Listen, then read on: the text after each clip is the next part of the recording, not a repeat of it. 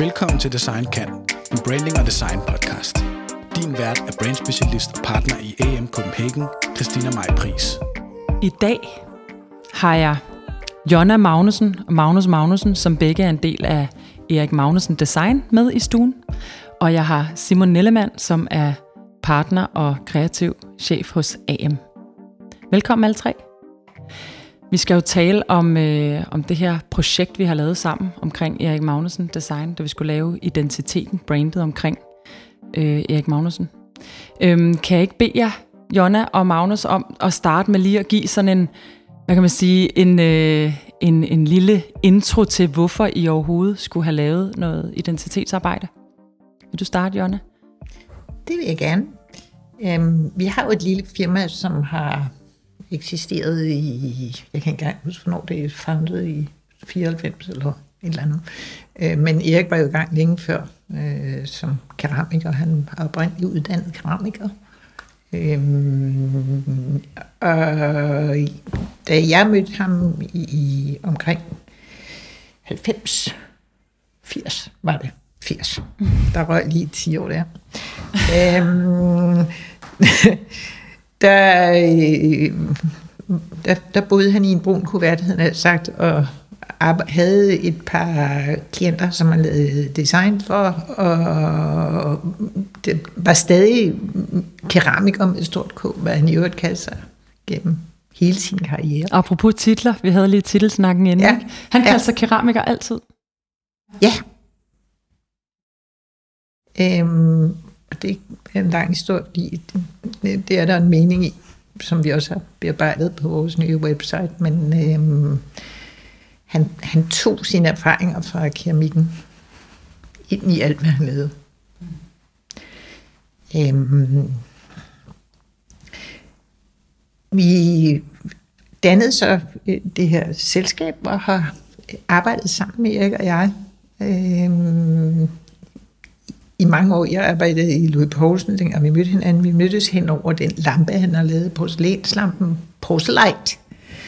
Øhm, og snart efter, så fandt vi ud af, at vi skulle arbejde sammen, og vi skulle udvikle og finde nye, nye opgaver rundt omkring i Danmark. Hvornår Og- fandt I ud af, at I skulle giftes? Det var vel også... jeg synes, det hører til historien, at I egentlig også blev gift i den der periode. Ikke? Det gjorde vi. Det gjorde vi. øhm, og så har vi arbejdet sammen i mange år, hvor jeg selvfølgelig ikke har lavet design, men vi har, jeg har siddet overfor ham i alle de ting, han har lavet i alle de år. Øhm, og været meget skriver øhm, i forhold til vores klienter. Altså, sådan så at Erik han var ordblind og kunne ikke øh, lave øh, nærmest ikke stave sit eget navn på tegningerne. Øhm, så jeg har interviewet ham masser af gange om produkter, og fået skrevet alle hans tanker ned om processen og baggrunden for det, jeg lavede.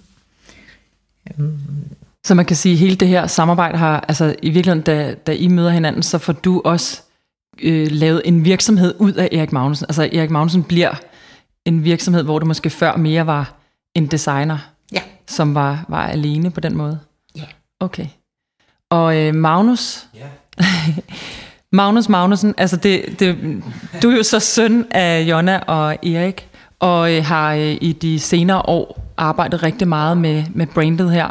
Kan du prøve at give sådan en lille intro til, hvordan det har været at vokse op med en mor og en far, som har bygget en, en virksomhed, øhm, og så senere selv komme ind i den?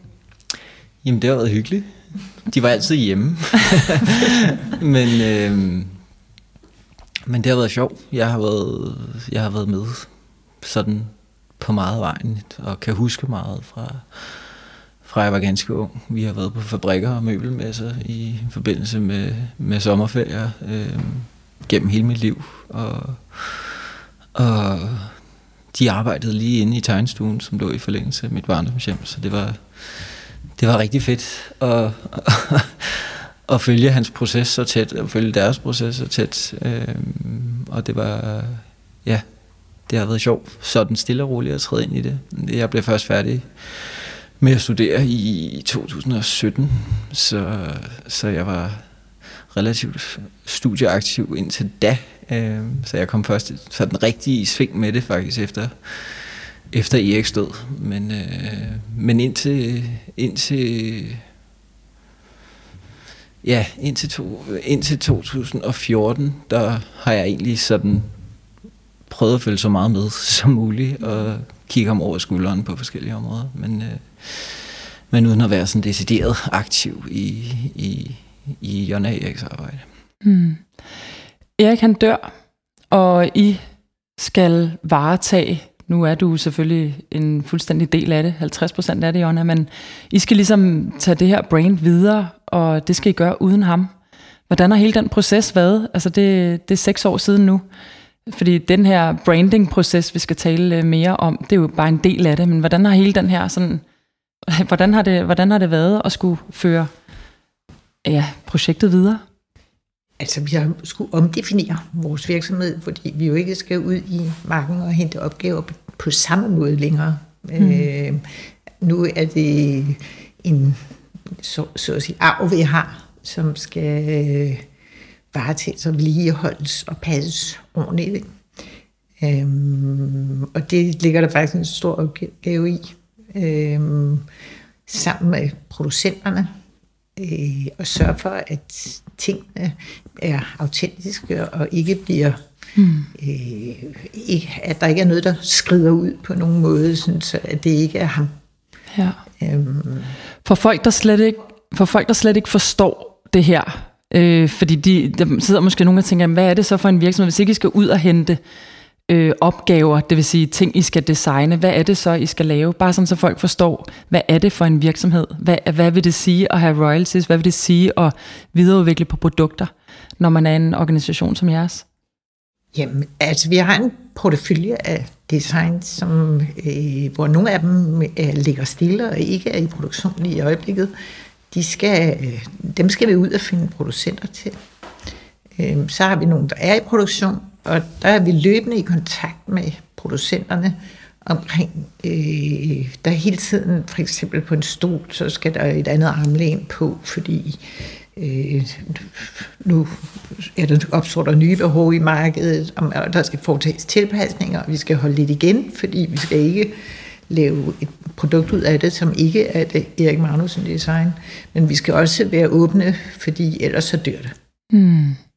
Okay, så det, det er den der balancegang mellem at kunne videreudvikle på produkter, som Erik tegnede, uden at skulle udvikle nye produkter. Altså noget med at... Et eksempel er den vandkåre, vi lavede til Stelton, mm. øh, som baserer sig på termokandens design, øh, hvor vi lykkedes med faktisk at få lavet et produkt, som folk accepterer som et Erik Magnussen design, selvom det er lavet efter hans død.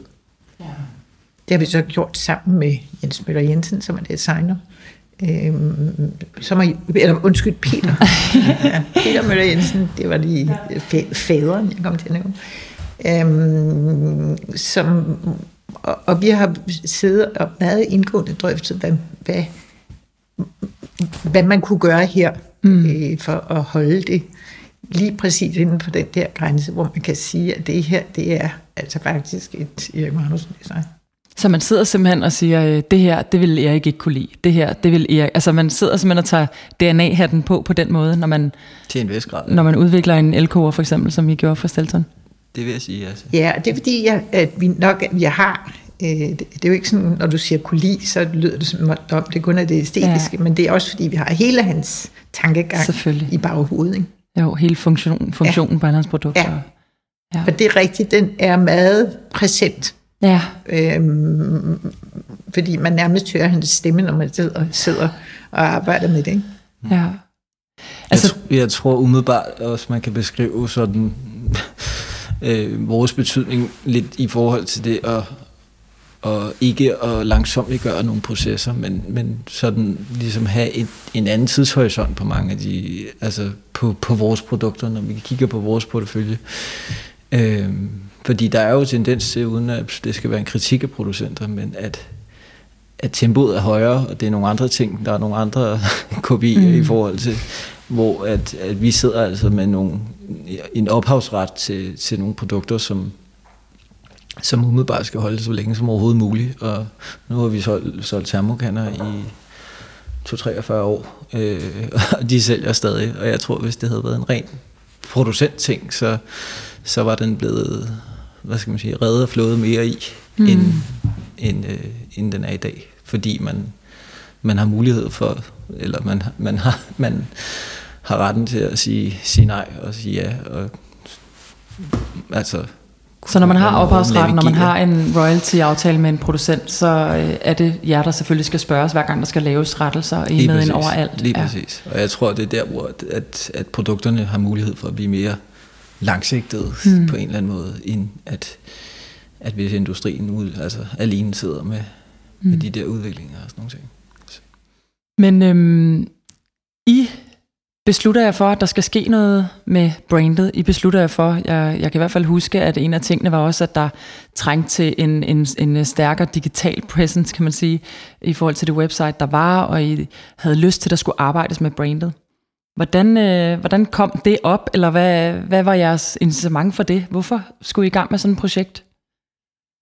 det er jo meget i relation til den del af porteføljen, der ligger stille, at vi skal ud og have fat i nogle producenter og snakke med nogle mennesker, vi ikke kender i forvejen. Øh, og så er det et, et værktøj. Ja. Der. Men så er det jo også, fordi man føler, at man sidder med den arv der, og man skal, man, man skal gøre noget, man skal bare tage den og sørge for, at øh, historien bliver fortalt ordentligt. Ikke? Hmm. Der er mange øh, designere, der bliver fortalte historier om via producenterne, at, at hvis nogen googler deres navn, så kommer man ind på en eller anden producents hjemmeside, og så står der en historie, som kan være nok så god, men det er jo, den kom, kommer ikke fra hovedkilden. Ligesom. Øh, det er sådan producentens, det, det er producenten gerne vil fremstille designeren som. Men det er, ikke, det er jo ikke sikkert, at man har fat i de væsentligste detaljer. Eller nogle af dem måske, men ikke, ikke alle de væsentligste detaljer.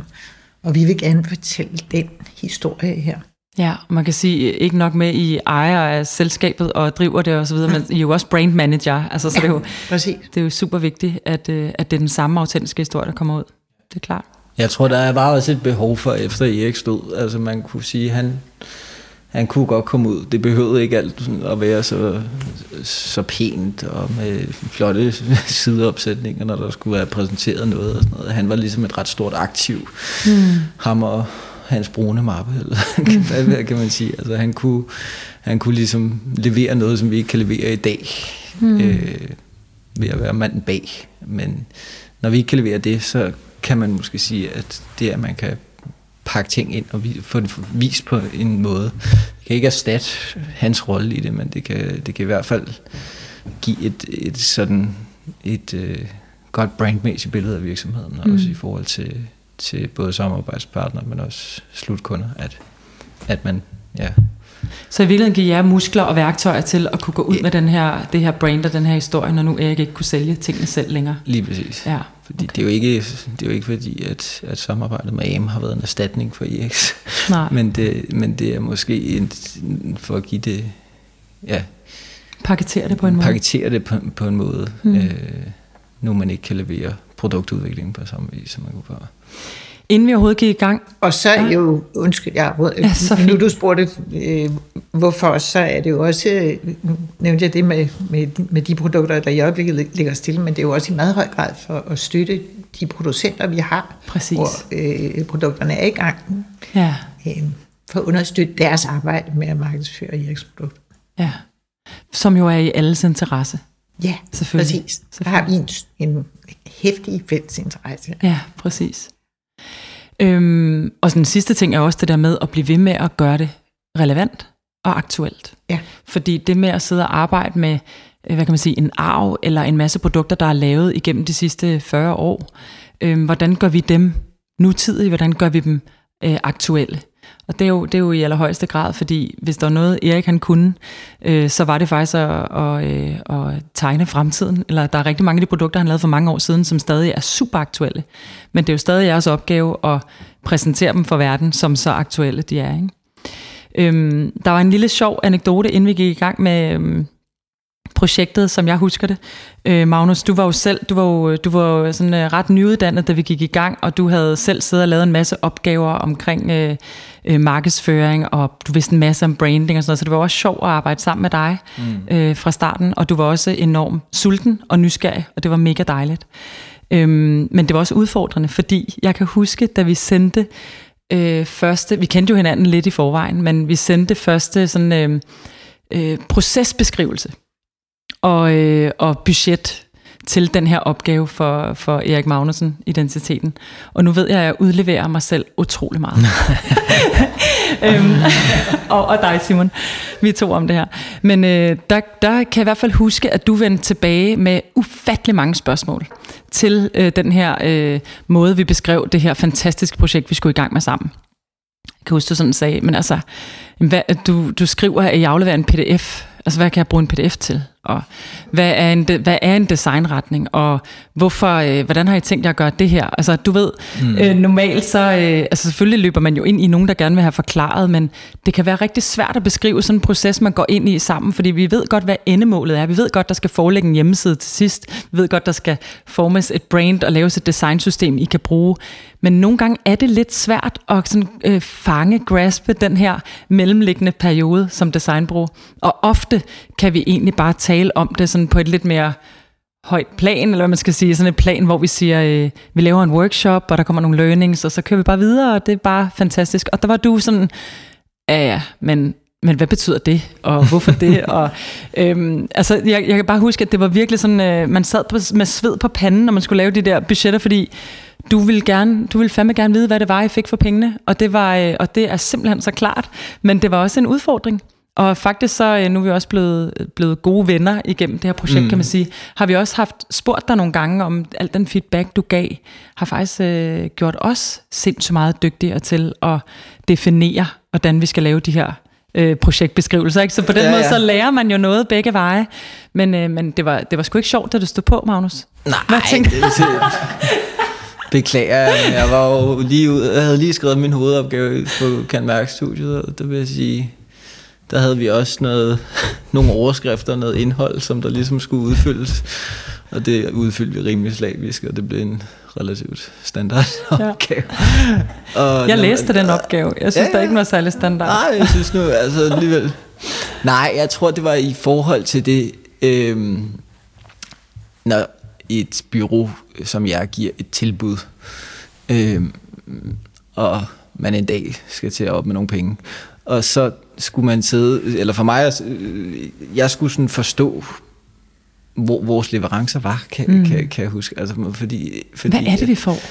At, øh, jeg kan huske, Emma, hun sendte mig sådan en, en liste, Vores projekt en, hel masse grønne, en hel masse grønne hakker. og, og jeg tænkte sådan lige, hvor fanden, ja, sådan. Men det var også fordi, der blev brugt nogle ord, som måske for mig var sådan lidt, nå, det er brain-platformen, og det er boilerplaten, og det, øh, mm i hvert fald nogle ord, som jeg ikke var sådan vant til at bruge øh, som sådan, og derfor øh, så kan jeg huske, at jeg måtte lige ringe til dig en ekstra gang og spørge, hvad, ja. har vi fået det her ord? hvad er det egentlig en boilerplate er? Ja, ja. ja. ja. Men, men jeg vil også sige, at det har, jo, det har jo gjort, at vi i den grad beskriver hvert ord bedre. Altså, så, så øh, jeg tror også nogle gange, at man som bureau havner lidt i den der, selvfølgelig får vi en intern måde at kommunikere på, og det er bare klart for os, hvad en brain-platform er, eller hvordan vi arbejder med tingene. Men det har jo gjort os enormt bevidst om, at det faktisk ikke tilføjer værdi for jer, at det er så svært at forstå. altså, øhm, så enten at forklare ordet, eller simpelthen bruge et ord, som giver mere mening mm. på en eller anden måde i den sammenhæng. Mm. Ikke? Jeg vil sige, at i dag kan jeg jo godt mærke det, og så navigere i det, når jeg mm. sidder, og vi har siddet og lavet hjemmeside, og vi har en, med, en forskellige masse små tekstbider, vi kan bruge sammen. Vi har en hel masse grafik, vi kan sætte op. Vi har et helt sådan, sådan skabelon til en hjemmeside og alt det der. Jeg kan godt mærke, at de der ting mm. har fundet vej. Øhm, men, men jeg tror lige når du får det leveret, så, så kan du ikke rigtig, øh, det er ikke så håndgribeligt at sådan se, hvad, hvad, hvor er det lige... Øh, det er også, også fordi, at sådan nogle leverancer tit jo kommer i sådan en, en 40, 40 sides pdf-fil, hvor den... Og det er endda en lille. Og det, og det er endda en lille, hvor der er en hel masse billeder, øh, som... Øh, vi egentlig har leveret til jer, og så vi den tilbage. Og det kunne, Sat flot op i en pdf. Var det leveringen? Ja, ej, men det var, jeg, jeg tror, det krævede i hvert fald noget tid for mig at forstå, hvad, mm. hvad, hvad selve leverancen var, og, øhm, og, og det gør jeg nu. Ja. Men, øh, men det, Jamen, jeg, det vil, var, jeg, jeg, jeg synes, du skal tage på dig, at du faktisk har været med til også at rykke vores måde at arbejde med det på. Altså selvom vi havde været og arbejdet med det her i mange år på det tidspunkt, så gjorde det os stadig faktisk klogere på, på, på nogle ting, ikke? Jeg forstår udmærket godt, at der ikke skal være den der fuldstændige sådan... Øh, hvad skal man sige, ensartning mellem et tilbud, der er givet, og en faktur, der skal... Fordi mm. der, der kommer en hel masse... Vi, mm. vi, vi lærer nogle ting undervejs, og får lyst til at gøre noget på en anden måde, og finder ud af, at der er noget, vi slet ikke har brug for. Og, mm. altså, og noget andet, man har brug for i stedet. Og noget andet, vi i, stedet for har brug for. Og, sådan ja. noget. og det, det er jo også en del af en ret livsproces, vi har haft sammen, mm. hvor at vi ligesom har kunne øh, tilrette leverancerne undervejs, og det ja. er jo sådan, sådan også meget rart. Så, ja. så jeg tror bare, at dengang, der kiggede jeg meget Altså, der, i hvert fald mit forslag til jer, det var lidt, at det, det, kan, godt være, tingene, det kan godt være, at tingene har ændret sig, men prøv at vise på en eller anden måde, at de, at de tilbud, der er givet, det, det er, der er i hvert fald leveret den mængde arbejde. Det kan mm. godt være, at det ikke lige er præcis det, det samme, man, man, man gav tilbud på, som er kommet, man er kommet frem til. Men, mm. øh, men i virkeligheden også, altså hele, hele altså procesdelen, både fra vores side, men også den måde, Erik kan arbejde med tingene på, har været en central del af det. Mm. Altså, hvor, hvor der også er, som vi snakkede om, øh, at, at det har været sådan ret organisk på en eller anden måde, men det kan jo også være svært, ligesom, det er jo let at se i bagklodskabens lys, og det har været, yeah. været en god måde, eller at vi også skulle lære den måde, jeg kan arbejde med det på, øh, og, og, og arbejde sig frem til nogle ting, og det er jo også noget, vi sådan, altså, det er også noget, vi så løbende har, hvad kan man sige, har kunne opdatere vores processer på. Og ligesom at sige, men så gav det måske også mening, at vi arbejdede med det og det og det. Så det er meget sjovt, det har været sådan et parløb på den måde. Mm. Altså, og også helt sikkert, altså, at, at vi jo har at vi jo har fået kæmpe indsigt i, i den måde, at, at jeg kan arbejde med tingene på. Øh, og det er en helt basal, øh, helt basal ting at skal vide, inden man kommer til designdelen af det. Mm. Ja, fordi man kan sige, at det første, der jo så skete, da vi var kommet igennem hele den her, øh, øh, hvad er det egentlig, vi skal lave sammen, øh, der var første fase jo learn. Og hos os handler det jo om at lære brandet at kende, det som forelægger. Øh, også at øh, finde ud af, hvor, øh, hvor skal det positioneres henne, øh, hvem øh, er jeres konkurrenter, øh, og så videre, så videre. Og i, i tilfældet lige præcis med Erik Magnussen her, der, øh, der var det alfa og omega, at vi lærte manden Erik at kende. Altså det var virkelig noget, vi sådan ret hurtigt forstod, både fordi I sidder som familiemedlemmer øh, til den her mands livsværk, øh, og skal føre det videre, men også fordi, at brandet jo så meget er en person her. Øhm, og det kan man jo ligesom se, se sig udspillet i alt det design, der også er blevet lavet. Så der var en en kæmpe learn phase. Større, eller hvad kan man sige, mere omfattende learn phase end i mange andre projekter. Og det er jo igen det, man heller ikke helt ved, når man går i gang med projekterne, om hvilken en af faserne, der kommer til at fylde mest.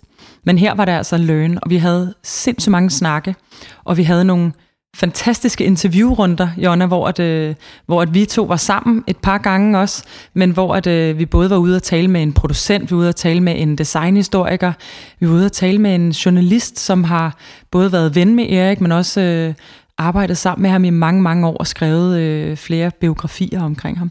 Så det var jo, der var sådan en, Øh, for mit vedkommende var det jo nærmest som om, at, øh, at øh, jeg kendte Erik helt personligt, da vi var færdige med den her learn-fase. Ikke? Og var sådan, det, bliver sådan, det bliver lidt en følsom affære at skulle sidde og begynde at forme det her brand omkring, øh, omkring det her.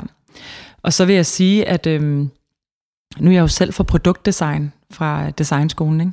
så jeg kendte jo Eriks ting, jeg kendte jo hele den her, hvad kan man sige, det, det der industrielle design øh, del af det, så det var også fantastisk det der med at få lov til at jeg kendte ham fra produkterne før, men så at kende manden bag produkterne, ikke? fordi han har jo om nogen lavet de mest ikoniske produkter i dansk designhistorie, både med Stelton-kanden og flere af hans, øh, hans øh, møbler. Så øhm, ja, vi havde den her learn phase. Hvordan husker du den, Simon? Hvordan, øhm, hvordan tog den så ud? ja, men, men jeg, altså, jeg lærte jo også rigtig meget af, af, af den proces, eller jeg, jeg fik et kæmpe øhm, indblik i, øh, i dels Eriks, altså også hans personlighed og den måde, de forklarede om ham på, var jo også en vigtig del af det. Altså, han døde som et, et, et meget dejligt menneske, der havde en god og ikke nødvendigvis fjern øh, tilgang til tingene, ligesom, eller meget, meget, måske lige tilgang til tingene, som jeg selv nogle gange ønsker, at jeg i den bedste verden kunne fremstå. Mm. Øh, og det synes jeg var mega, mega fedt. Og så, så, så må jeg jo også bare sige, at, at, øh, at jeg også kan være, jeg var jo også en del af den gruppe, tror jeg, jeg tør sige nu her, der, der ikke nødvendigvis kendte Erik Magnussen så godt. Altså jeg var nok mere den, der ligesom kendte ham igennem nogle produkter. Mm. Altså som sådan, at jeg, hvis jeg sådan blev presset op i hjørnet, så kunne jeg måske sige, okay, Stelson kan, det er nok Erik Magnus, der har lavet den, men så vil jeg måske også komme til kort. Altså på den måde, der er det jo også en verden, der har åbnet sig for mig, og jeg har kunne se hele hans værk på alle mulige forskellige sider. Og det her med at prøve, som vi også prøvede allerede dengang i learn-fasen, at prøve ligesom at få et overblik over hans, altså det er et kæmpe værk. Det er, alle, altså, det er jo skibsure og til bestik og til øh, borer, og mm. altså, det er jo alle mulige ting. Mm. Så på den måde var det jo også sådan en, okay, er, er der, kan vi finde et eller andet, kan vi, kan vi finde et, et eller andet form for gennemgående DNA i det her, ikke? Mm. Og det var det, der var, var, var sjovt, og det som, hvor vi startede den her sådan, hvad kan man sige, eksportive mm. proces omkring øh, Eriks metode, mm. som virkelig var... Og så var der en ting ved Erik, som jeg også synes bare rigtig meget præg i vores samarbejde. Hvor at, det, det har du sagt op til mange gange, Jonna. Nu har vi jo arbejdet sammen en del år efterhånden. Ikke? Øhm, det her med, at Erik han valgte dem, han gerne ville arbejde sammen med, øh, ud fra, øh, at han simpelthen han godt kunne lide dem, at han havde lyst til at arbejde sammen med dem, og han tog alle seriøst på alle niveauer. Det vil sige, Erik øh, øh, arbejdede sammen med en eller anden ude på øh, produktionen, ham der stod og, øh, og øh, støbte øh, formen, eller et eller andet, hvor det, øh, man kan sige, det var ikke, hans ønske var ikke at sidde i toppen og tale ned. Han var simpelthen på gulvet, og det var han igennem alle hans designprocesser. Og, og det synes jeg jo er super interessant, fordi det, du altid vendt tilbage til, det er, at vi er sammen om det her. Jeg har valgt at arbejde sammen med jer, vi har valgt at arbejde sammen med jer, og det er vores projekt sammen. Så den der følelse af, at man, nogle gange kan man godt have den der øh, følelse som bureau, at man er sådan en, en, en gæst, der lige er inviteret ind en kort periode, og så øh, skal man ligesom bevise sit værd hele tiden. Det skal vi selvfølgelig også, men det var også lidt en, det var lidt sådan en, øh, vi er sammen om det her. Så der var sådan en anden, øh, husker jeg i hvert fald en anden ro omkring projektet, at, øh, at vi kunne ligesom prøve masse afkrog af, øh, uden at det ligesom var en dealbreaker. Øh, og det var, det, det var ret fantastisk. Så det var egentlig hans proces. Vi tog direkte ind i vores proces. Øh, vi holdt jo også workshops, øh, og vi kiggede hele værket igennem. Som Simon sagde, var det jo et ekstremt stort værk. Meget større, end jeg også kendte til. Øh, også det der med at finde ud af, hvilke værker skal fremhæves i den her identitet, hvilke skal stå forrest, og det var også en proces i sig selv. Øh, hvordan oplevede I hele det her øh, med at, at skulle ribe op i ja, alt i virkeligheden? Altså det er jo, det er jo Jamen, jeg føler det i virkeligheden ikke som om, vi er ribbet op i alt, fordi det er I der var hele bare tiden. i det, Vi ja, er midt i det hele tiden. Ikke? Selvfølgelig. Men jeg er glad for det, du siger, fordi det, altså, Erik, når han arbejdede, han kendte ikke rigtig forskel på, på klient og ven, og heller ikke på arbejdstid og fritid. Altså, det er helt flyttet sammen, og han, han var bare i det hele tiden. Han var et menneske. Ja. Mm. Og hvis så folk ikke forstod ham, eller ikke havde lyst til at, at, at, at lære, så, så gled det ligesom ud i sandet af sig mm. selv. Ja. Det er meget sjovt, nu I nævner det der med jeres forskellige stadier, som, hvor Learn har været dominerende her. Ja. Øh, jeg sad i forleden dag og læste øh, en eller anden, et, et gammelt artikel om Erik fra Jyllandsposten i nullerne, hvor han bliver spurgt ind til sin proces, hans proces. ja. Øh, Den hedder Learn, Play, Make, Move. ja, det, øh, altså for det første sagde han jo ofte det der med, at det kan man altså ikke kalde nogen intellektuel proces, og han Nej. var en ganske almindelig håndværker, som, som gravede sig frem til det med en fil, stille og roligt. Hmm. men, øh, men han tog virkelig afstand fra proces, altså fra at tale om sin proces mm. som sådan en, hvor han kunne inddele det, hvilket også var sjovt, det vi skulle det vi skulle lave øh, op på vores website, øh, skrive om Erik Magnusens proces, for det var jo ligesom ting, som jeg ikke på den måde rynkede på næsen af, det vi planlagde, hvad der skulle ligge på det her site, men, øh, men det gik jo op for mig undervejs, ikke fordi det, jeg vidste jo godt, men, men det gik op under, undervejs, at hvis man gerne vil lave sådan en designskolemodel med 4, 5, 6 mm. forskellige faser, og så gik han derfra og dertil og sådan noget. Mm Øh, vi, vi har prøvet at tvinge det ind i sådan en boks, og vi fandt ret hurtigt ud af, at, øh, hmm. at øh, det hele var lidt play, kan man sige. eller, eller, altså, jo, selvfølgelig, han var ude og lave sin, sin markedsanalyser og, og mm. kigge på, hvad der var på, på, på markedet i forvejen, hvis han blev bedt om at lave noget specifikt. Men det var så også det. Ikke? Altså mm. derfra, så, så gravede han bare. Stille og roligt fra. Men for mig var der i hvert fald sådan, sådan, øh, sådan nogle ting, der sådan gik i, altså, som, som var lidt svære forenlige. Det ene, det var de her mange af produkterne er så, så enkle og så simple i deres opbygning. Altså for eksempel øh, øh plasmastolen, ikke? Der, der ikke, altså den er bare sat sammen af nærmest tre dele, bum, så har du en stol. Det samme med, med termokanden. Altså hvis vi kan undvære en skrue, hvis vi kan undvære en unødig ting, så gør vi det. Så den der, den der simpelhed øh, er der jo helt sikkert noget appellerende i som designer, at man godt kan lide den der, bum, tingene virker. Altså den der, vi arbejder med, med klik, så virker det, ikke? Altså, mm og så omvendt, så, han jo, så var Erik jo også en, der sådan, øh, altså igen og igen gik tilbage til produkterne og ændrede, og, og det skulle ligesom, som, som du siger, Jørgen, han startede i lær, ikke? Altså lær var, eller i, øh, i altså modellere tingene. Så der er jo sådan, både den der sådan meget organiske ting, og så når det så som produktet, når man som beskuer ser det, så er det jo så mekanisk og så sådan, er det bare, det fungerer bare. Altså, og stolene, de kan stables i, jeg ved ikke, altså, der er noget, noget praktik og noget sådan simpelhed, som, som man jo fristes til ligesom at bare gå all in på det. Og jeg tror også, øh, øh, Magnus, vi havde jo også en snak om det her med, kunne man prøve at, kunne man prøve at forklare den her proces? Kunne man komme med sådan tre ord, der var sådan duk, duk, duk, et eller andet? Fordi det bare virkede, det virkede rigtigt, i hvert fald fra mit fra min del af bordet, at man ligesom kunne se det. Og der, der har vi jo så, hvad kan man sige, vi har modelleret den her sådan proces lidt mere sådan, at det er blevet lidt mere organisk, fordi der er ikke nødvendigvis var den her sådan øh, to-do-liste, eller sådan en, vi går altid igennem de her processer, det, det er jo også, hvad kan man sige, bare en, det er jo sådan en, det er jo en læring, man så får, når man kommer ind i det, som også ligesom viser sig i processen. Måske også for jer, altså at, at, at det også gav mening, at det ikke bare var sådan, og det ikke var alt, vi bare kunne ligesom køre ind i en, i en sådan en øh, fra beskuerens øh, synsvinkel, at det bare var let at forstå. Nå, men Erik Magnussen, det er jo bare ding dong dung, og så har du et produkt. Ikke? Ja. Men jeg synes, du rammer ret meget hovedet på sømmet med en ting, Magnus, fordi vi sidder jo og taler om Erik Magnussen, som var designer, og vi sidder jo også er individuelle designer eller udviklere på en eller anden måde. Og vi alle sammen har jo vores egen proces, som man jo ikke kan kategorisere. Så jeg tror, når man prøver at lave sådan nogle modeller, så er det jo mere for, at vi kan sige til hinanden, nu er vi på samme side. Så det er sådan en eller anden måde at, at lave noget styring på det, fordi designprocessen er jo i virkeligheden super individuel, men indeholder nærmest altid de samme faser. Ikke? Hvis man kører et designprojekt igennem, så er det de faser, man kommer igennem. Men hvordan man kommer igennem dem, om det er via dialog, eller via lær, eller via øh, øh interviews, eller, altså det, det, er jo, det, er jo, det er jo dybt forskelligt. Men det var interessant at se det der med, at han jo tog, tog i den grad afstand fra, at det skulle defineres som sådan en, øh, som, som sådan en proces i virkeligheden. Ikke? Ja.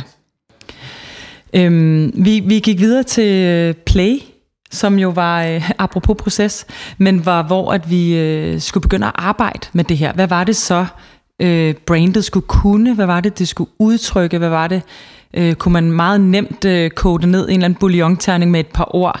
Og der havde vi nemlig også både det, at øh, den vender vi tilbage til Simon og Magnus, for I arbejdede sindssygt tæt sammen i den her proces, og mere, måske endda endnu tættere, end vi også er vant til.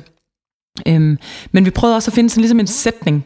Altså vi kom jo frem med den her obvious iconic, øh, som vi, øh, obviously iconic, iconic, som vi jo, altså jeg var i hvert fald nærmest, øh, var nærmest ved at græde af glæde, da den, da den ligesom kom frem i projektet og tænkte, det er det smukkeste, og det er rigtigt, og, og den har vi jo simpelthen talt så meget om, den sætning, ikke? Og den kommer lidt frem, og den bliver taget lidt tilbage. Prøv lige at fortælle mig, hvordan det er, at, at vi kommer som bureau øh, og siger, det var jo obviously iconic. Det kan I godt gå ud og sige. Det kan godt være jeres claim to fame, eller jeres statement, fordi han kunne om nogen lave ikoniske ting, hvor I måske var lidt mere, ja, men er det, er det for meget at claime det, eller er det en forkert måde at gøre det på? Prøv at sætte det er sjovt, det. fordi vi har jo diskuteret det meget, mm. øh, fordi det var ikke Eriks sprog at, at udnævne sig selv som ikonisk.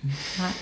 Og så var det hele den der transition med, at man så kan stå i dag og sige, okay, men nu er der ikke Erik, så kan vi så kalde ham ikonisk, Jonna og jeg.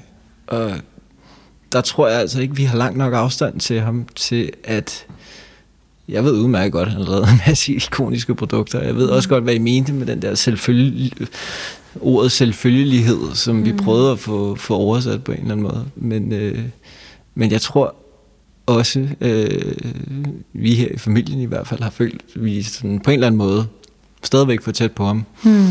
Der er også en søster her i spillet, ikke Amanda? Der er også en søster her i spillet. Til den hat på, som, hvor man kan stille sig frem og sige, at... Øh...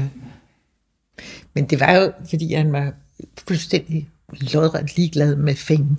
Ja. Altså, øh, vi har oplevet det lidt øh, under et projekt, vi havde i Paderborn hos en stor virksomhed, der lavede dørgreb. Øh, der kom man til at arbejde samtidig med, at de havde Philip Stark ind og lave et dørgreb. Så var Erik inde. Og der var en underlig mand, der var direktør dernede, og han øh, beskrev processen med de to designer der, som altså simpelthen havde reddet hovedet af ham. Man havde aldrig set noget lignende, fordi fra Paris kom der ruller med tegninger, øh, fuldstændig perfekt, øh, og de så ikke et øje dernede fra. Øh, Erik han lå og ræsede frem og tilbage med sin hund, og var ude på fabrikken fra han mødte op der kl. 8 om morgenen til, til sent om aftenen, ikke? og arbejdede sammen med de der folk om at drive det frem, det der, det, det der program, han havde gang i, ikke? og han blev ved og ved og ved, som man plejede, og slagte ikke, før han var helt færdig. Mm. Øhm, og det var bare, og, og faktisk, som han sagde, direktøren dernede, jeg lige nu ikke kan huske, hvad han sagde, at der, der er faktisk kommet god, to gode designs ud af det her. Mm. Men tilgangen er fuldstændig vidt forskellig. Ikke? Ja. Øh, og det er rigtigt, hvad du siger, Erik var manden på gulvet, altså med hovedet ind i maskinen. Ja. Og sammen med, med dygtige, dygtige folk, som han virkelig respekterede, ikke? og lærte så utrolig meget af. Og han gav også mad tilbage. Ja. Det er meget den samme sammenligning, som har, når, når man hører om sammenligningen med Arne Jacobsen og Erik, særligt på grund af Stelton. Det er meget den, den samme sådan forskel, der bliver fremhævet. Det der med, det? at, at i Stelton dengang, da Arne designede, der havde det været, der har det virkelig været med afstand til selve fabrikken på en eller anden måde. Og så kom Erik ind fra keramikken og gik lige ind i, i værkstedet og stod Maskinrum. og snakkede, i maskinrummet og stod og snakkede med, med, med dem, der skulle lægge sidste hånd på i stedet for. Så det er sådan en, en gængs, hvad skal man sige, fremgangsmåde, man havde i forhold til, i forhold til mange andre store designere. Øhm, I var i gang med Play, og øh, som jeg lige nævnte kort, så, øh, så var du en stor del af kontoret. Vi er, også, vi er også dårlige til at holde processen. der var du en stor del af, af vores hverdag på AM, Magnus. Ja. Der blev du ligesom, øh, hvad kan man sige, lidt bindeledet mellem øh, Jonna og Amanda og, og øh, os. Så du, øh, du, var, du havde ret meget hænderne i bolddejen. Der var du egentlig Erik på gulvet, kan man sige. Og I, I øh, arbejder med nogle, noget prototypeværk sammen, Simon? ja, vi, øh, vi, vi, jeg tror, vi i ret tidlig i processen besluttede os for, også fordi at man jo, som, som jeg repræsenterer her som designer, også skal ligesom komme med et eller andet og sige, det her, det er sådan her, vi synes, det skal se ud. Det kan jo... Øh, det, det, kan man jo, det kan man jo øh, have forskellige tilgang til som designer, men, men lige med det her, når man, når man, øh, når man har med et, et brand eller en personlig, altså en, en mand at gøre, som dels er så tæt på jer, øh, så, så, så, er det, så kan det jo være sindssygt grænseoverskridende at skulle ligesom prøve at foregive et eller andet, eller man tager nogle forhastede konklusioner omkring Erik. Så det var, det var, øh, det, det var helt naturligt at, at inddrive, inddrive jer, eller øh, inddrage øh, dig, øh, Magnus, blev det så i processen. Altså du faktisk blev, som du siger, kastet ind i... Altså det var, det var dig, der var manden på gulvet hos os, ikke? Mm. Som kom ind, og der, der, der, øh, der i stedet for at prøve at arbejde os rigtig rigtig langt hen i en retning, øh, så, så valgte vi egentlig bare at lave sådan nogle, nogle hurtige, hvad kan man sige, nogle skitser øh, og nogle retninger, som kunne blive sådan noget, og så ligesom at du kom ind og sagde, det der, det der noget i, det, det kan vi prøve at arbejde videre med. Så vi tog sådan ligesom, vi brød det ligesom ned i en lidt mere sådan øh, modulerbar proces, kan man sige. Ikke? Så vi ikke arbejdede selv mod en eller anden form for stor præsentation, og nu skal vi vise, nu kommer vi at gøre det her, men vi vil gerne ligesom prøve at, at, at, at fremelske det rigtige sammen. Altså ligesom, at, at, at det føles godt for dig, at du ligesom bare, hvad kan man sige, ventilen, mm. der ligesom kunne sige, det der, der er noget i, det, det kan vi arbejde med, og det, det er i tråd med den måde, som Erik han tænkte på. Det vil, det vil, det vil Erik godt kunne lide. Jeg kan huske, jeg, kan huske altså jeg har et billede af, af, det gamle visitkort, hvor vi, hvor vi kiggede på det. Altså det var enten sådan ligesom, at du, at du fortalte om, om at, at, at Erik han havde jo han havde valgt, der, altså de valg, der var truffet omkring, der var sådan en, der var termokatten, der var inde i en gul streg for eksempel, som, som var på visitkortet, og det var, det, det, var, det var noget, som, altså vi, vi vendte hver en sten på den måde. Altså alt, alt hvad vi kunne, hvad vi kunne se, kunne vi ligesom tage med og sige, om det er, det er ligesom on eller off, eller det vil, det vil jeg ikke synes om. Og det, det, tilbage også til, til de her ord, og, og hele sådan, hvad kan man sige, hvor vi jo har sådan en mere kommersiel tilgang til, at, at Erik Magnussen, vi skulle da bare ud og vise de fede ting, og vi skulle, altså, vi skulle op på en stor kling, hvor I ligesom har, hår, hår, hår, det, det er vist ikke, altså, det kan godt være, og det, det er fint, vi hører, hvad jeg siger, men vi, vi, vi, vi, tager det, vi tager det lige et, et, et skridt ad gangen. Ikke? Men også det der med at binde fortiden og nutiden og fremtiden sammen. Altså det var super vigtigt i det her, som vi talte om i starten. Ikke? Det der med at få det ind i, var det 2019, vi endte med at være færdige, ikke? Altså få det ind i, i 2019. Ja. Opdatere det på den måde, ikke?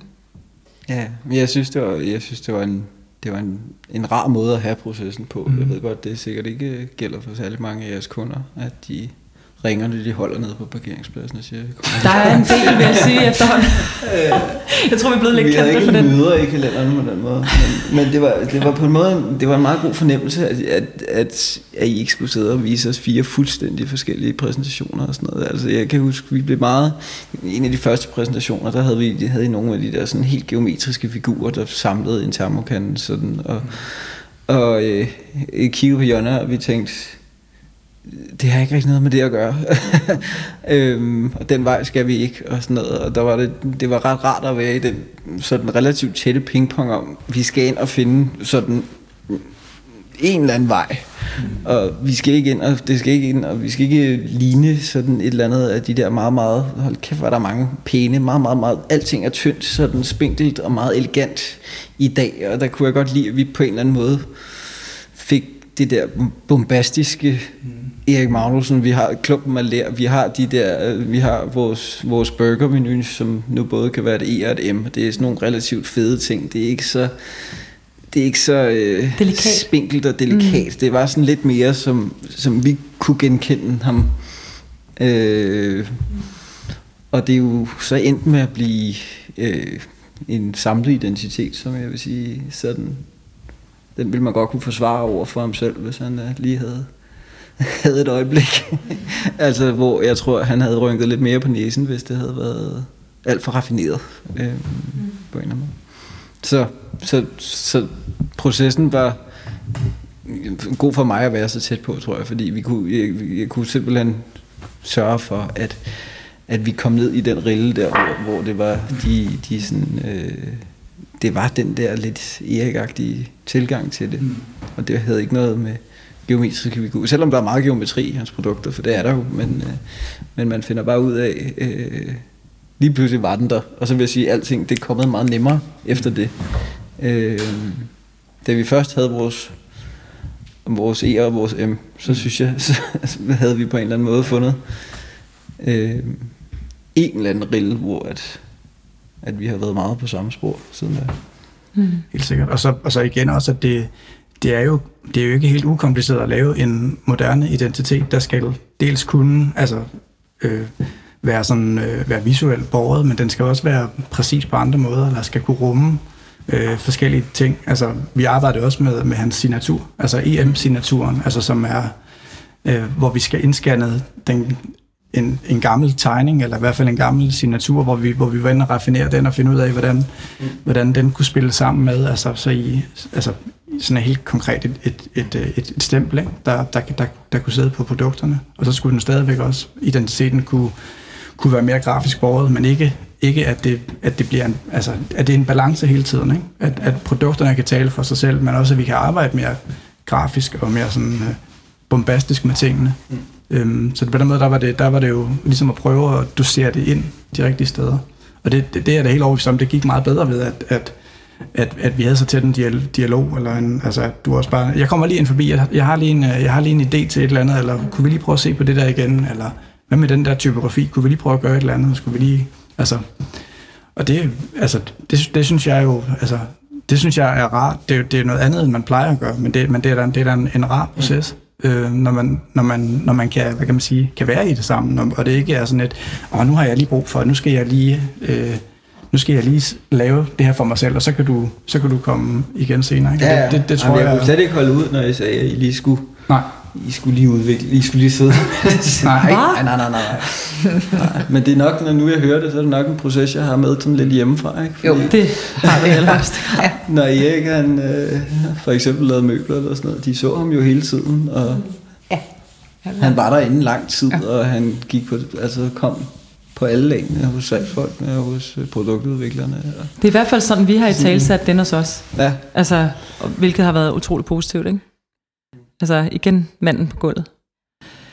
Øhm, vi, øh, der skulle også laves en hjemmeside. Der skulle laves en eller anden måde, hvorpå vi kunne kommunikere det her.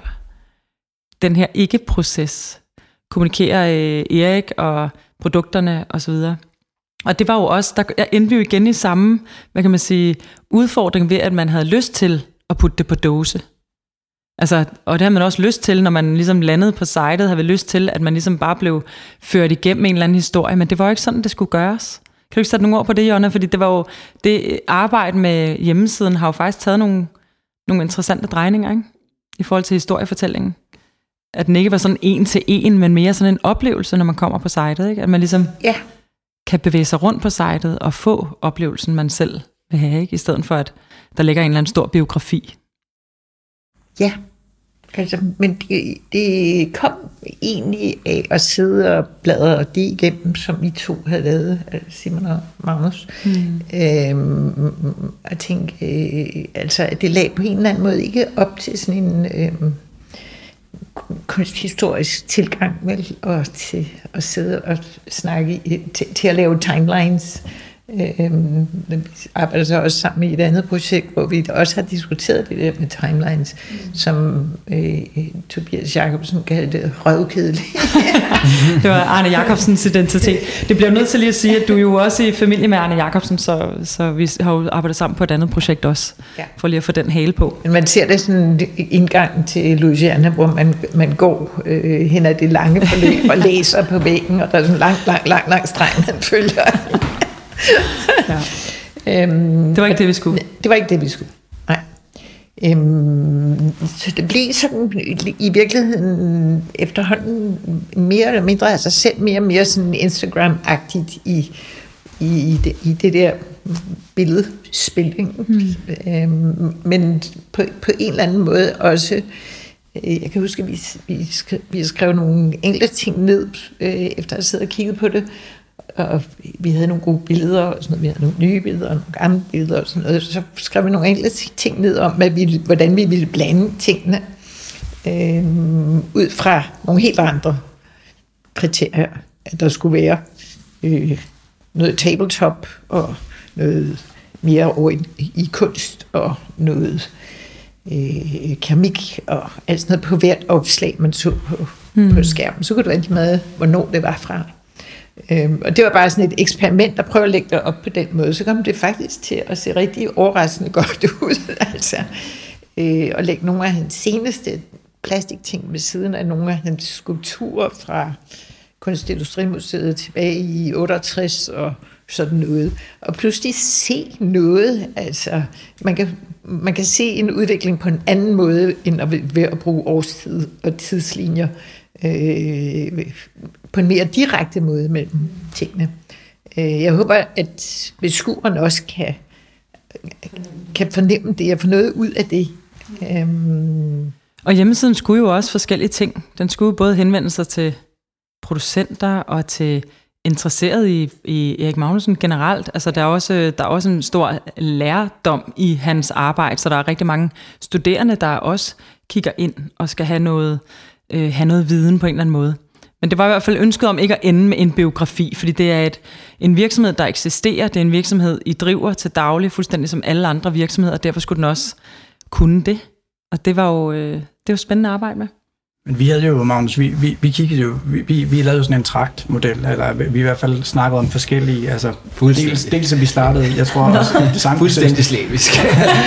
Nej, men altså, vi, vi, vi, vi smed forskellige sådan, øh, billeder og designs ind og arbejdede med det. Og så på et eller andet tidspunkt, nu sidder jeg også lige og kigger på sådan en oversigt, hvor, hvor, hvor, hvor, der, er, hvor der er nogle billeder, eller hvor der er nogle forskellige produkter, som faktisk spiller utrolig godt sammen, selvom de er i forskellige kategorier. Og det der med at prøve dels at finde finde ud af, hvordan den her DNA er, er bygget op. Altså er der et eller andet, selvom jeg, det kan godt være, jeg kan ikke vel lide det, altså, men, men det der med, at der er et eller andet, man kan se, ah, jamen der er jo noget, der går igen. Der er jo, hvis vi ikke kan næle det ned i tre år ja. i en proces, så er der jo en eller anden form for DNA, der går igennem produkterne. Yes. Mm. Og, det, og det var jo fedt at komme til den erkendelse, i hvert fald at sige, ja. vi kan godt fortælle om Erik Magnussen ved, ved fem produkter for eksempel, eller syv mm. produkter, og så giver det faktisk et godt billede af, hvordan, han, hvordan, hans, hvordan hans værk er, selvom vi ikke viser alt, eller ikke viser det kronologisk, eller ja. at der er faktisk er nogle af de ting fra Binger Grøndal-tiden, øh, porcelænet, som har den samme metodik som noget af det senere. Og det er jo, det er jo interessant. Ja. Det stiller også høje krav, vil jeg sige, at lave en, generelt lave en hjemmeside om EX produkter, fordi han, han, øh, han sagde i hvert fald også tit selv det der med, at hans produkter, de var, de var udviklet med hænderne. Ikke? Altså, det var det der med, det, det var ting, der skulle være tæt på kroppen, og det var, han filede sig, eller lavede, lavede lær, eller hvad han gjorde. Men, men, men det, var, det var ting, der skulle være tæt på kroppen. Og der synes jeg, der er en udfordring i at lave en hjemmeside, fordi lige pludselig sidder du med noget, der er påtvunget todimensionelt, og ikke rigtigt, altså du kan jo ikke, det kan godt, du skal give så meget som muligt den samme fornemmelse, som du får ved at stå med med tingene i hænderne. Her skal du altså give på en skærm, ikke? Øhm, og det, det, var, det var sjovt at arbejde med, og sådan øh, prøve at, og, hvad skal man sige, lave den næstbedste løsning efter at stå med det i hånden. Men, men altså, vi kunne ikke lave hjemmesiden i lær. Vi kunne ikke lave hjemmesiden i lær, Det var desværre. mega svært. Nej, men det var, jeg, jeg tror, det er særligt udfordrende, fordi at han, han måske ikke har øh, tværgående i hans design har jo ikke haft sådan æstetikken i en særlig høj prioritet i mm. forhold til, til fun- de funktionelle og produktionstekniske aspekter og sådan noget. Det har ikke været sådan visuel øh, øjne hvad, hvad kan man kalde det? Sådan, det, har ikke været det, var, ikke, det var ikke skabt på grund af æstetik? Nej, mm. nej, hvis du ser på, på svanen eller nej. myren eller sådan noget, så er der jo mange ting, som sådan virkelig det ikoniske i formen på den måde. Noget, og mm. det kan man sige, det er det, Samokan også har, men, men i mange af hans produkter, så, så kan man mærke det der med at, at stå med det i hånden, det er noget, noget helt specielt, og det kan godt blive lidt sådan todimensionelt på, på et billede. Mm. Øhm, og, og, og, og der tror jeg, det har været fedt, også det, at vi har sådan fra starten været indstillet på, at vi skal simpelthen have høvlet så mange full screen pictures ind som overhovedet muligt. Det skal, altså, det skal virkelig plastres op. I, det kan jeg huske, det var jeg ret træt af med vores gamle hjemmeside. Alting var så småt og, og, og sådan småt og pænt, men det kom op i nogle små bokse. Det var sådan lidt... Og, og, og du skal, hvis du skal se den på en skærm, så skal du fandme se noget, nogle detaljer stadigvæk, ikke? for at, ligesom at kunne, kunne, den, ja, kunne beskrive, hvad, hvad, det egentlig, hvad der egentlig gør det så, til så særlige eller sådan specielle produkter. I, øh, I Move er det jo noget med at færdiggøre og øh, lave de produkter, der reelt skal laves, og der er selvfølgelig også, øh, der er hjemmesiden jo også en del af det, kan man sige, fordi det er der, den bliver, den bliver sat live. Øhm, men i Move er der også hele fasen for at arbejde med identiteten fra jeres side. Tage den til jer og bruge den og, og øh, ja, eje den skrue op og ned for den, og så videre. Hvordan, øh, nu har I jo haft den et stykke tid, det er jeres. Hvordan, øh, er det noget, I tænker over? Er det bare blevet en naturlig del af, af jer, jeres hverdag, eller hvordan... Du mener at have Selv... hjemmesiden som et værktøj? Ja, hjemmesiden eller, og, og, og hele det grafiske system, og hvad kan man sige, de, øh, de, de ting, vi skrev, eller sådan hele sådan øh, sammenhæng af identiteten. Er det bare blevet naturligt for jer at bruge den nu, og se på den? Altså, jeg synes, vi er nået til en løsning, hvor der er tolerance, kan man sige. Vi kan bruge den ret bredt, og det var også noget, som Erik selv gik meget op i, i forhold til hans produkter. Det der med, at, at tingene kan fungere, fungere i alle mulige forskellige sammenhænge, og måske, altså, den, den kan udvikle sig, og, og, og tolerance i den her forstand, der vi jo skulle lave noget, hvor vi faktisk kan gå ind og, hvis vi ser med stemplet, altså det skulle være noget, vi havde lyst til faktisk selv på næsten alle vores produkter, hvis ellers vi kunne blive enige om det. Og det synes jeg, vi er kommet frem til. Altså noget, som vi kan bruge bredt. Man kan ikke stå med et af hans produkter og sige, eller det har jeg i hvert fald ikke oplevet, at man ikke ville kunne placere det ind på en eller anden måde. Altså det, det er ikke det er jo ikke dominerende, og det tager ikke noget fra designsene og sådan noget. Det falder rimelig godt i tråd. Øhm, og, og det tror jeg er vigtigt. Altså den der, den, den sådan, hvad skal man, at vi har gjort det så bredt og så tolerant, så jeg kan, øh, man kan sætte et, øh, et, øh, hvad skal man, et katalog op til en eller anden producent eller sådan noget og lige vente, og det tager 10 minutter, og man lige trækker noget tekst ind. Og sådan. Altså det, de der ting, at det, at det kan foregå så relativt nemt, det må jo også skyldes, at de designs, de klæder rimelig godt hinanden. Både det, vi forsøger at vise, men også grafikken. Ja. Øh, eller ja, identiteten i sin helhed. Ja, at der er blevet lavet nogle Det nogle værktøjer. udtrykke bedre. det var meget roligt, synes jeg. Det synes jeg er rigtig godt. Men man kan jo sige tilbage til det, du startede med at sige, Jonna, at, at, at det, der var jeres man sige, claim til at gøre det her, var jo også at styrke øh, designeren Erik Magnussen overfor, altså hvis vi har producenterne på den ene side, som jo tit skaber den, den brede fortælling om, om en, en, lang, en, en lang række produkter, og så er der nogle des, designer, der har lavet dem. Så er det ligesom på den anden side designerne selv, som jo har en anden bro og skal bygge. Altså i det her tilfælde Erik Magnussen, som har lavet rigtig mange ting for, for, for producenter, men også har et, et, et overordnet, hvad kan man sige, tilgang eller design, som skal, som skal bygges. Og, og, og der, der er det jo tit, at man ser, at den her type, hvad kan man sige, brands, at det, det, det er et, et navnetræk, eller der står Erik Magnussen, og så er det egentlig bare billederne, der, der, der gør arbejdet. Det kan det jo i langt de til, fleste tilfælde, er det jo, er det jo nok. Øhm, Det som, det, som vi endte ud med, og som jo egentlig ikke var givet på forhånd, det var, at, at de jo har ret mange muskler til at, at dels at, at skabe et mere måske ekspressivt udtryk ved at bruge de her grafiske former, og, og man kan gøre forskellige ting med designet.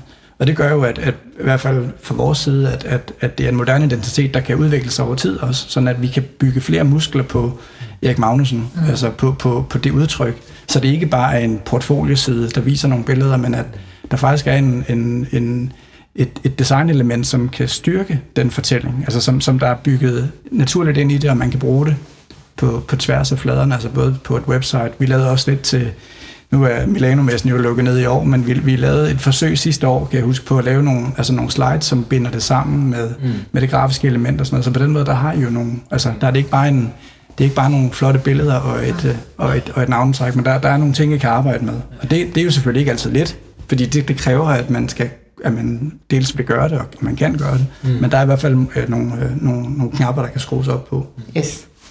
Vi plejer sådan øh, afslutningsvis at spørge om, øh, om, hvad I mener, design kan. Det er jo sådan lidt øh, hele øh, grundlaget for, for podcasten. Så, øhm, så jeg godt tænke mig, at I, og det er så tavle, fordi man tager lidt folk med bukserne ned, ikke, når man sådan lige siger, tænk lige noget genialt. Men, øhm, og det behøver jeg ikke. Design kan jo så meget. Men øh, jeg vil gerne have dig, Jonna, til at afslutte sætningen, design kan. sidder, sidder Magnus lige og tørrer panden og tænker, ah, det var godt, jeg bliver spurgt øh, bagefter. Hvad kan design? Jamen, øh, design kan jo give noget af den samme ro i hovedet som yoga og meditation, synes jeg. Ja. Øhm, ved, altså det kan også gøre det modsatte, hvis man kigger på sådan øh, øh, italiensk øh, hyper overdrevet Dårligt design. Halløj, ja, design. Jeg ved ikke, kan karakterisere det som dårligt, fordi det er der også nogen, der synes, det er sjovt, men mm. altså det, det form for design, vi snakker om, som handler meget om orden øh, og harmoni og en, en eller anden form for zen, øh, det tror jeg, altså sidder vi her i dit hjem, og, og man føler sig, ja, ja, når, man, når man sidder og kigger på de her på, på dørhåndtag og på dine lamper og på dine alt muligt, så giver det sådan en fornemmelse i kroppen, som er rar, synes jeg, hvor man slapper af. Det er i hvert fald ikke italiensk design her. jo, men altså ikke et ondt ord om italiensk design, og meget godt italiensk design. Mm. Men, Men jeg tror på, at øh, jeg tror, at Wittgenstein, filosofen, han har skrevet om det, fordi han på et tidspunkt, hvor hans søster blev syg, mentalt syg, så øh, beskæftigede han sig med det, øh, og, og gennemdesignede hendes, hendes hjem. Mm. Han har blandt andet lavet et dørgreb for det firma, jeg omtalte lige før. Øhm, og han var meget optaget af det der med øh, omgivelserne. Sådan en person skulle ikke leve i øh, uorganiserede, hæslige øh, omgivelser. Hvis mm. man indrettede hendes hjem, sådan så at der var harmoni og orden og skønhed, så ville hun få det bedre. Øh, og det tror jeg på. Mm. Så det tror jeg, design kan. Ja. Hvad kan design, Magnus? Oh, så vil jeg trække det kort der, som Jonna lige trak, og sige, det kan jeg ikke sige bedre. Ej, det er for nemt. er det for nemt? Men, men, men jeg kan lige give dig lidt betænkningstid ja. mere. For jeg vil, jeg vil faktisk sige, jeg vil, øh, jeg vil tage Erik på, og så vil sige, at design kan formes i lære. Fordi Design synes, kan formes i lær. Du ved, nu kender du mig, og I kender mig også ret godt. Jeg, jeg tror, jeg er en, der godt kan lide, at tingene er sådan rimelig struktureret, eller sådan, okay, så er det så er det, det, vi har at forholde os til. Og den her proces har lært mig, at tingene godt kan være mere modellerbare. At det ikke behøver at være sådan, vi skal arbejde hen mod et eller andet meget så det mere design kan være organisk måske? Ja, eller at, at, at, ja, mm. at, øhm, at processen kan opelske noget godt. Og det har jeg lært både af, af den måde, Erik han har tænkt sin, øh, sin designs på, men også i, i den her proces, vi har været igennem. Mm. Jeg vil sige, hvis jeg tænker på Erik Magnussen og hvad design kan, så synes jeg jo en ting, der er meget, meget øh, gennemgående for alt, hvad han har lavet, det er, at øh, design kan bruges. Altså, fordi øh, hvis man kigger på hans produkter, så øh, er hver eneste produkt, han har lavet, jo nærmest i konkurrent med alle andre produkter inden for samme genre. Det vil sige, når Erik lavede en stol, så lavede han stolen, den der kunne stable bedst, den der kunne fylde mindst i et øh, konferencelokale, den man sad bedst på. Altså han havde hele tiden sådan nogle kriterier for, at design skulle kunne bruges. Og det var også, om det var øh, måden, han lavede øh, te-stillet på, som den, lige præcis den måde, hånden griber omkring kanden på, og, øh, og øh, Stelton-kanden og så videre, for ikke at, at glemme den. Men det var virkelig, at design kunne bruges, der var i fokus. Jeg sidder og tænker på, at noget, noget design kan, rigtig godt design, det kan overleve på en eller anden måde. Det er jo mm. også ret relevant i forhold til, hvad vi beskæftiger os med. Det er, at at man kan kigge igennem her og se alle vores øh, måske 50 forskellige produkter, som vi, vi, vi udstiller. Og der er rigtig, rigtig mange af dem, der, der kan klare sig i dag. Der er måske ikke, øh, de er ikke alle sammen i produktion, men der er rigtig mange af dem, der potentielt sagtens vil, øh, vil og der tror jeg, at det, er noget rigtig godt design kan. Det, det kan. det kan overleve, selvom der kommer rigtig, rigtig mange nye ting på markedet hver dag. Mm. Så, så er der alligevel nogle, nogle grundlæggende værdier i sådan, eller der er meget værdi i, i, i rigtig godt design, og ting, som ikke sådan bliver umoderne, bare sådan lige. Så design kan overleve. Den var god. Jeg ved ikke, om vi skal kalde det overleve, fordi det lyder lidt som om det design lige på nettet. Leve for evigt. Men at, at det, det, det kan bevare en eller anden relevans, ikke? Mm. Og der kan man sige, det strider måske lidt mod Apple-succes og sådan noget, fordi de der, de holder jo ikke mere end, end et år som relevante, men, men jeg synes, med sådan noget design, som vi beskæftiger os med, så der, der, der skal det gerne kunne holde længe. Altså, der, der skal det gerne, der skal det gerne være, være relevant i, i mange år. Tak. Lad det være de sidste ord. Og tak, fordi du lyttede med på podcasten Design Kan. Gæsterne var Jonna Magnussen og Magnus Magnussen og Simon Nillemann. I kan følge podcasten på Designkants hjemmeside eller Facebook-profil eller på AM Copenhagens Instagram. Afsnittet er optaget, klippet og mixet af den evig seje Tobias Pedersen, og jeg håber, vi høres ved i næste afsnit, hvor jeg igen vil udforske alt det design kan. Tak.